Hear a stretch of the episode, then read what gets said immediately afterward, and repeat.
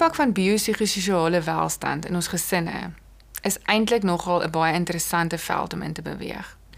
Biopsigososiale. Dit verwys daarna dat ons mens wees holisties is. Ons is gemaak van verskillende aspekte wat ons funksionaliteit beïnvloed. Ons biologie, hoe ons lyf funksioneer, ons siege wat maar by die sielkunde is, hoe ons dink, ons persoonlikheid, ons temperamente.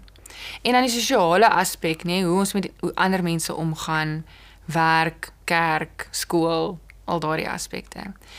En daardie drie goedjies saam vorm ook 'n beeld, 'n prentjie. Die interaksie tussen dit is baie interessant. So dit gaan nie net om alles in 'n boksie te plaas en te sê dis my biologie, dis soos ek is daar. Hierso is my siege, dis hoe ek is hier en hierso is my sosiale funksie en dis hoe ek is as ek met vriende en familie is. Die goedjies is aan mekaar verbind. Met ander woorde, as ek 'n persoon is wat in my siege baie emosioneel is, my temperament is ek is hoogs I'm a high empath. Ek hoogs emosioneel. Wat beteken dat my sosiale verhouding, sodra iemand daar is pyn of seer het, impakteer dit my. Die koneksie tussen die twee maak my wie ek is. En my life response is baie keer gebaseer op wat my emosie doen. As ek gespanne raak, dan kan ek dalk naraak of hoofpyn kry. So kyk gou die koneksie. 'n Vriendin van my bel my. Haar man was in 'n motorongeluk. Ek is naar. Maar dit is die verskeie aspekte van my holistiese self, selfwees wat maak dat daai een daai reaksie het. So die biopsigososiale kan nie as aparte entiteite gesien die wisselwerking tussen hulle is wie ons maak ons is. Nou, ons het al baie gepraat oor temperament en persoonlikheid. Ons het gepraat oor ons uh, lyfresponse op sekere goed. Ons het gepraat oor die impak van familie wees en hoe ons grootgemaak word en grootmaak style. So binne in ons gesinne is dit nogal belangrik om te weet dat al hierdie aspekte saamwerk om my my te maak. Alles waar ons gepraat het, is al die strings wat aan ons attach is om te maak dat Serani is wie Serani is soos wat ek nou op hierdie bank voor jou sit. Dis nogal baie. Dis baie om oor na te dink. Wat verder interessant is is dat die interaksie tussen hierdie drie aspekte baie meer in navorsing voorkom en hoe dit ons gesondheid beïnvloed. Nou, ons begin hierdie praatjie praat rondom gesonde gesinne. En gesondheid is nie net emosionele gesondheid nie, maar fisiese gesondheid ook. En wat interessant is wat navorsing vir ons deesdae wys, is die biopsigososiale welstand van jouself jou gesondheid beïnvloed in terme van jou fisiese lyf dis nogal wild. Ek dink dit is nogal iets wat 'n groot kop skuif maak. Ek het onlangs 'n trauma konferensie bygewoon waar die spreker gepraat het oor die nuwe maniere hoe ons medisyne um, approach hoe ons dit ons aanslag verander het. Waar ons byvoorbeeld by 'n dokter kon ingaan en sê my oorpyn gee my oordruppels of ek hoes gee my antibiotika. Kom ons agter dat wanneer ons nou dokter toe gaan, dokters baie keer vir ons vra, "Vertel my van jou werkstrek. Vertel my van uh, jou traumas. Vertel my van hoe jy nou voel nadat jy in daardie motorongeluk was. Want jy sien alles is connected. As ek 'n geweldige druk werk het en ek raak heeltyd siek en ek gaan heeltyd na my dokter toe, dan gaan hy begin optel dat my spanning en my angs die oorsaak van my siektes is. Daar's navorsing wat wys dat ons kroniese siektes toegeneem het in die laaste paar jaar in dieselfde lyn as wat angs en stres toegeneem het die een het 'n impak op die ander een, jy sien. Daar's selfs navorsing wat wys, nou moet die mans my vergewe, maar dat vrouens 3 keer soveel kroniese siektes ontwikkel as gevolg van stres en spanning, omdat hulle gesien word as veelsidige roldraer. Né? Nee? So Geiber Matthey, wat 'n fantastiese dokter is in Amerika en hy doen geweldig baie navorsing rondom die lyf en stres. Hy noem vrouens byvoorbeeld the shock absorbers of society. Hulle hanteer al die emosie, hulle hanteer al die lysies en die funksies van die huishouding en en so baie goed. Nie dat mans nie stres nie, moet my nie verkeerd verstaan nie. Maar dis interessant die veelsidigheid van die vrou en hoe daai as 'n shock absorber gesien word. Dis baie interessant. Gabber Matthey verduidelik hoe hierdie westerse lande hulle so trots hou op die feit dat ons so ver gekom het met medisyne, dat ons gesondheidstelsels goed doen Maar tog sien ons 'n oplewing en 'n groei in kroniese siektes en algemene swak gesondheid van die mensdom. Die gebruik van goed soos voorskrifmedisyne, hoë bloeddruk tablette, dat ons geestesgesondheidstelsels baie onder druk is, ons sielkundige psigiaters is vol geboek, jy kry nie plek nie. Is daar eintlik soveel kommerwekkende kwessies wat nie aangespreek word deur die medisyne nie. Oor die laaste 4 dekades is dit sy kliniese ervaring dat die idee van normaal in terme van siekte nie meer aanvaarbaar is nie. Hy sê ons verwaarloos die die impak wat stres en trauma het op ons normale gesondheid. So waar ons gesondheid gesien het as jy kry kiem, jy word siek. Jy stamp jou been en hy seer en jy gaan dokter toe. Het hierdie normale gesondheidsaspek verander omdat ons so baie kroniese siektes ewe skielik sien. Baie geestesgesondheidsvrae. Een van die vrae wat ek baie by die praktyk kry is hoekom hoekom sit ons so baie met angs? Hoekom is almal skielik angstig? Nou ek het baie teorieë daarvoor, maar daar's nou nie tyd vir dit nie. Die punt is dat stres en angs 'n impak het op ons biopsigososiale funksionering. So ons moet ook die patrone optel met onsself en met ons kinders wanneer ons siek word. 'n maatjie wat elke oggend kla oor maagpyn voor hy skool toe gaan. Miskien is daar ietsie by die skool. Trauma wat jy dalk self nie verwerk het uit jou kinderlewe uit nie wat nou sy verskyning maak en gaan, "Boe, hier is ek." Nou raak jy heeltyd siek. Daar's baie aspekte wat ons baie keer nie agterkom is as gevolg van emosie, stres en druk nie. Die ideaal is natuurlik om emosie, stres en druk heeltemal uit te vee sodat ons gesonde lewens kan lei. Maar ek dink daar's tog plek om dit te handhaaf. Hoe handhaaf ons ons gesondheid?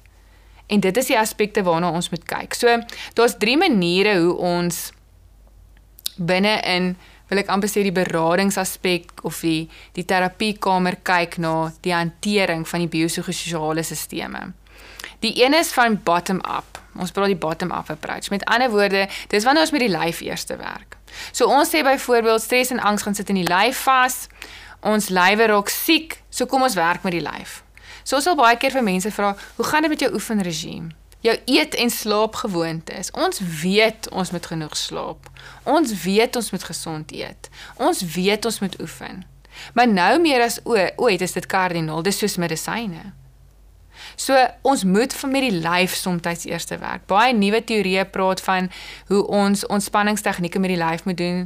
Ehm um, ehm um, om wanneer ons spierontspannings doen of visualisering van ontspanning of uh mindfulness is is 'n nuwe buzzword wat ons baie keer hoor want dit maak ons hele stelsel ontspan sodat die stres en angs kan uitvlug. Dis baie interessant dat ehm um, baie mense sien dit nogal as volksvreemd en en verskriklik weird wanneer mense praat daaroor dat jy jou lyf met ontspanning voordoen. Daar is baie teorieë wat ons byvoorbeeld goedjies doen soos ehm um, asemhalingstegnieke wat jy bietjie by jou neus inasem, vashou, uitblaas. Waar jy byvoorbeeld met die kinders doen ons die handjie inasem en uitblaas. My baie klein maatjies dan praat ons van pizza breathing as hulle ek wil sê ryke pizza en blaas hom kat want wat doen asemhaling vir die brein en ook jou bloedvloei en jou respiratoriese stelsels. En daar is 'n baie bekende spreker, 'n McKeown, wat baie keer praat oor hoe mens met asemhaling jou lyfresponse kan hanteer en jou lyf kan rustig maak, net met iets soos asemhaling. Hy sê byvoorbeeld ons haal te veel en te vinnig asem as mens, ons moet stadiger en minder asemhaal, want dit kan ons stres reguleer. So die eerste manier hoe ons kyk na hierdie biopsigosiale model is om te begin van die bottom up. Ons werk met die lyf eerste. Die tweede ding wat ons doen is ons kyk na die die siege, die mind, die gedagtes van die mens. So baie keer het ons almal hierdie interne dialoog. Ek onthou as 'n dogtertjie het ek baie keer gedink, praat ander mense ook met hulle self in hulle koppe. En ek was baie bly om uit te vind hulle doen. Ons almal het 'n interne dialoog dat ons met onsself praat. En is baie keer belangrik dat ons deur goedjies te doen soos joernaal, joernaal te hou of selfs na 'n terapeut toe te gaan of met vriende te kan gesels met wie jy oor sulke dieper dinge van die lewe te gaan gesels om jou interne dialoog bietjie uit te pak en te kyk wat dink ek oor die lewe wat dink ek oor myself die siege aan te spreek en natuurlik dan die sosiale aspek van ondersteuning waar ons interaksie toon met ander mense Dit is die derde faset waarna ons moet kyk. En dit bring weer die belangrikheid van koneksie op. Ons kan net wees in koneksie met die ander. Ons is nie gemaak om alleen te wees nie. Ons is gemaak om sosiaal te wees. Dit beteken nie jy moet elke dag partytjie hou en 20 mense na jou huis toe nooi nie. Dit beteken dat jy nou en dan 'n vriendin nodig het vir 'n koffie of jou ma moet bel of soms daai braai moet reël. Maar ons is interaktiewe mense en ons nodig daai sosiale koneksie om te voel dat ons is. So, biopsigososiale welstand binne ons gesinne beteken dat ons bewus moet wees hoe die een die ander beïnvloed. Dat ons met ons lywe moet werk, ons gedagtes moet werk en koneksies moet bou sodat ons optimaal gesondheid kan geniet.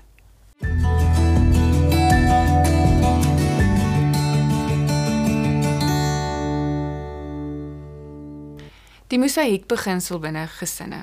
Hierdie is ietsie wat ek baie onlangs met gesinne probeer deurwerk het en eintlik op hierdie prentjie afgekom het van hoe ek gesin wees vir my families met wie ek werk probeer verduidelik en ek is baie lief vir mosaïekkuns. Dit is vir my baie mooi hoe ons stukkies van verskillende teeltjies en glasies eintlik so onbelangrike klein deeltjie, eintlik so 'n lelike ou deeltjie wat stikkend is en gekraak is by ander deeltjies soos dit kan sit en 'n ongelooflike mooi beeld kan skep, 'n ongelooflike mooi prentjie kan maak. En baie keer is dit vir my so mooi simboliese voorbeeld van hoe gesinne lyk. Ons het al baie gepraat oor verskillende temperamente, ons het gepraat oor persoonlikhede, ons het gepraat oor verskillende aspekte wat druk op ons gesinne praat, plaas, ons praat oor verskillende emosionele state. So daar's so baie strings attached aan hoe ons is. Maar wat dit nog verder kompleks maak is dat hierdie strings weer aan ons gesinne moet attach.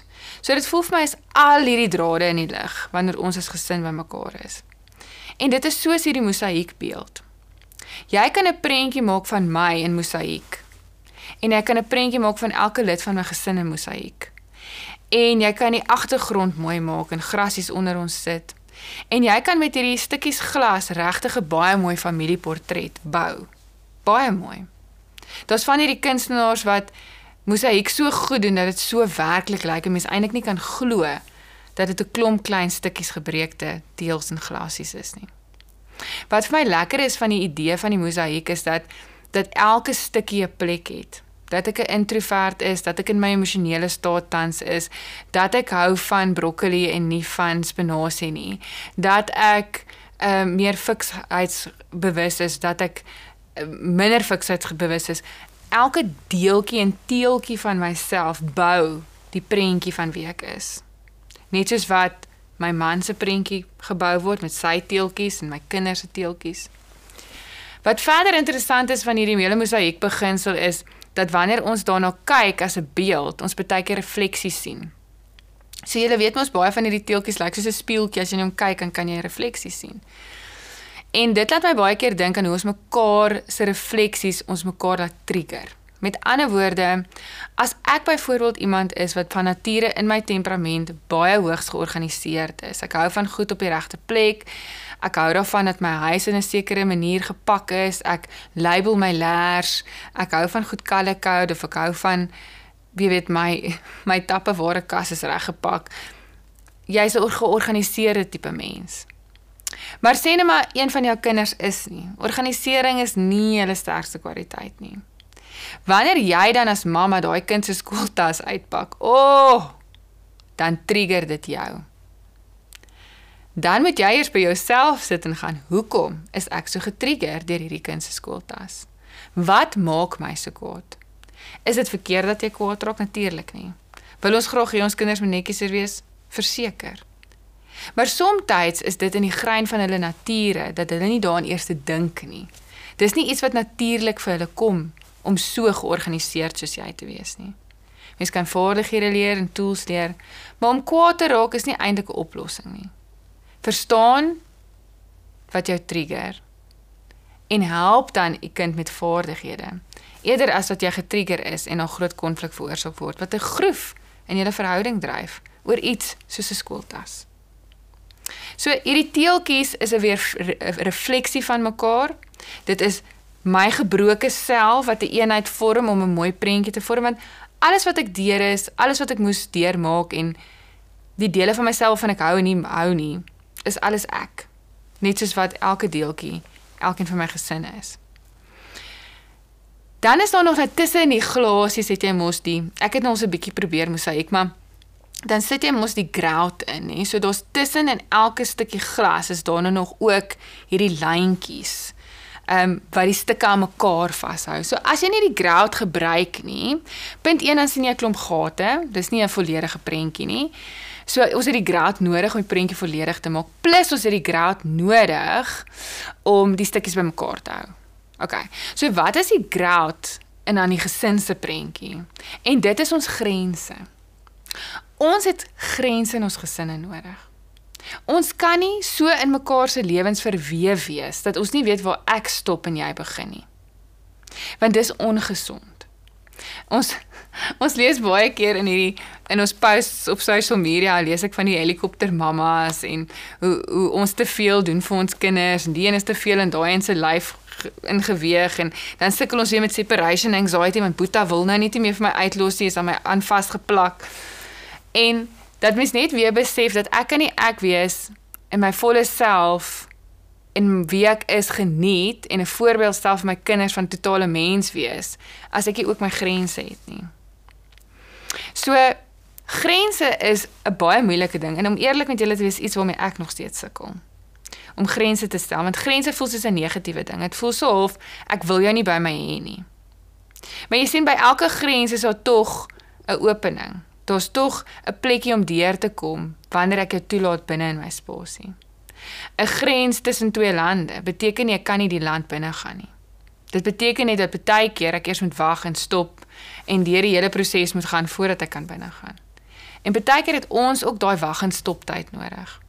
Mamma het gegaan nodig om my kos klaar te eet voordat ek met jou speel. Ek het nodig om warm koffie te drink sodat ek in 'n goeie emosionele staat is. So daai grense raak die manier om te weet waar ek stop en waar jy begin. Maar ons kan mekaar nog steeds nooi na koneksie toe. Hoor gou hoe mooi skryf Brené Brown dit. Sy sê boundaries are prerequisite for compassion and empathy in our relationships. We can't connect with someone unless we are clear about where we end and they begin. If there's no autonomy between people, then there's no compassion or empathy. It's just enmeshment. Nou enmeshment is daai van ons is so in mekaar verweef. Ek weet nie waar jy begin en ek eindig nie. En dit is nie goed vir ons kinders se selfstandigheid en identiteitsontwikkel nie. Want dan ontwikkel hulle ons identiteit. Hulle hulle hulle verleer om goedjies self vir hulle self te doen want ons doen alles vir hulle. So enmeshment is nooit goed in terme van holistiese identiteitsontwikkeling nie. Plus, dis net nie goed vir ons nie. Dis net nie lekker nie. Mens het jou eie tyd nodig en jy moet jou grense stel. So die feit dat ons in 'n gesinsportret ons eie lywe het wat uitgebeeld word in mosaïek is oukei. My lyf hoef nie in jou lyf verweef te wees nie. Ons is aparte entiteite, maar ons is in dieselfde prentjie. Ons is op dieselfde foto. So hierdie mosaïek beginsel leer vir ons 'n paar goed. Dit leer vir ons dat ons almal gebroke stukkies is. Ons het mooi teeltjies en ons het lelike teeltjies, maar dit maak ons wie ons is. Net soos wat elkeen ons gesin verteenwoordig word. Dit beteken dat ons refleksies het wat ons kan trigger. Dit beteken dat ons lynetjies tuss lyntjies tussen ons het wat ons grense is. Maar ook dat wanneer ons daai grense stel en die teeltjies bymekaar plak en almal saam op dieselfde prentjie is, dit die ding is wat ons mekaar bind, dat ons mekaar het en dat ons familie is. Dis wat die grout alles bymekaar hou. Is die term gesin die ding wat ons as mens bymekaar hou en in koneksie met mekaar hou. So, as ons kyk na daardie compassion fueled by understanding and accepting that we are all made from struggle and strength. Dis wat Brené Brown skryf. Niemand van ons het nie struikelblokke, swakpunte en goeie en lekker punte nie. We are all made and fueled by the understanding of each other met die idee dat ons gemaak is van strengths en struggle. No one is immune to pain or suffering. Compassion is not practiced it's not a practice of being better than or practice of I can fix you wat ons mamas baie keer wil doen, hè? Compassion isn't that. It's a practice based in the beauty and pain of shared humanity, of shared family. So ek wil nog een keer daai lees van Brené Brown.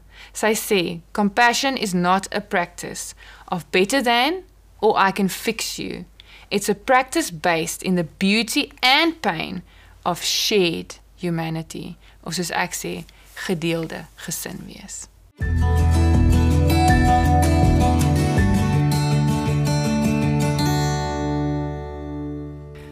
Verstaan mekaar se vlakke van toleransie.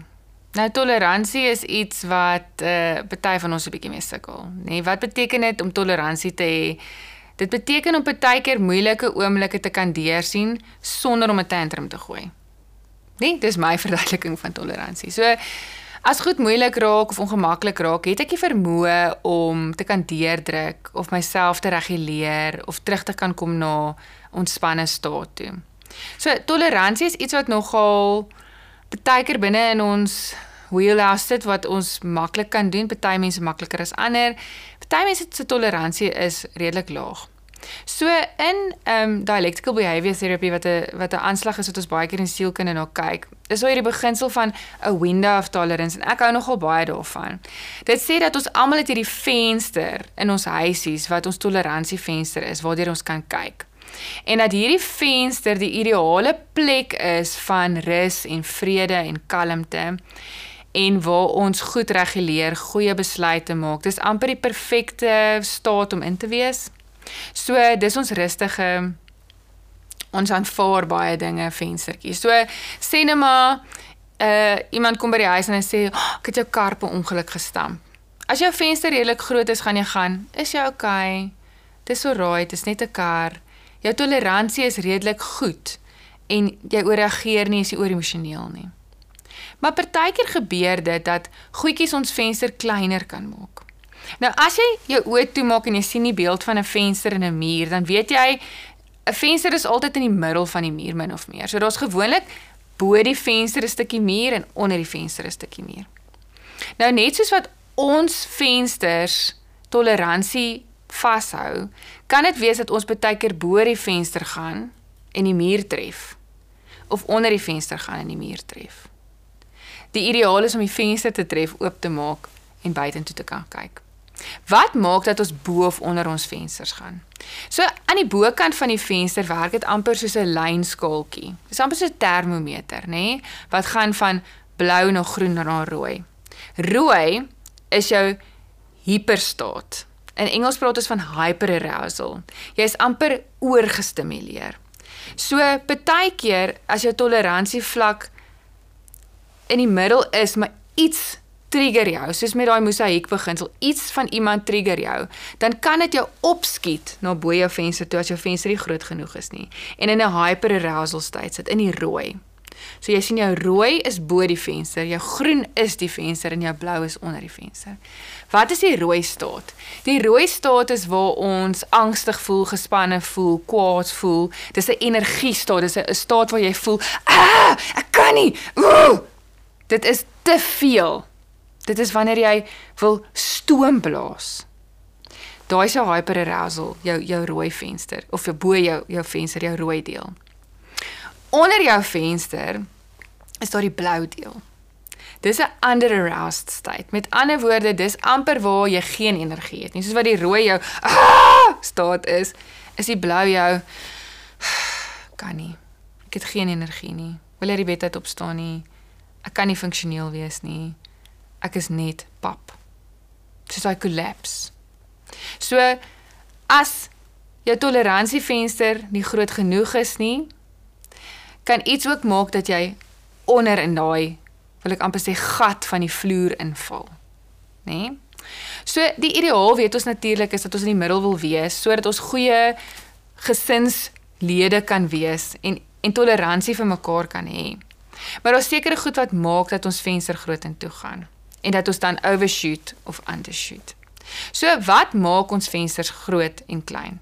So wat ons venster groter maak en expand is goedjies soos om te ontspan, om gereeld buite te kom, te oefen, goed te wees vir jou lyf, goed te wees vir jou verstand, af te pak wanneer jy nodig het, te weet wanneer jy gestres is. Hoe meer bewustheid ons toon en hoe meer ons begin bewuswording hê oor hoe ons voel en hoekom ons so voel, hoe groter is ons venster. Wanneer ons die tyd neem om refleksie te toon, maak ons ons vensters groter. Die probleem in vandag se samelewing is ons vat nie die tyd nie. Ons is heeltyd besig met ander goed en werk en skedules en logistieke bestuur dat ons nooit by onsself eintlik kom sit en gaan, hoe gaan dit met my? Waar is ek? Hoe is my vlakke? Is ek rooi? Is ek groen? Is ek blou? Want jy sien as jy blou is, weet jy jy moet jou energie lig. As jy rooi is, weet jy jy met tegnieke kry om te kalmeer en jou venster groter te maak. Wat maak ons venster dan kleiner? Stres, angs, druk, daardie goed waaroor so baie oor gesels het. So as ons gesinne baie hierdie druk en stres en angs ervaar en ons almal se venstertjies is klein, kan ek jou verseker dat konfliksituasies in die huis enorm is. So om te werk aan ons vensters en ons vensters groter te maak, beteken om te werk aan onsself.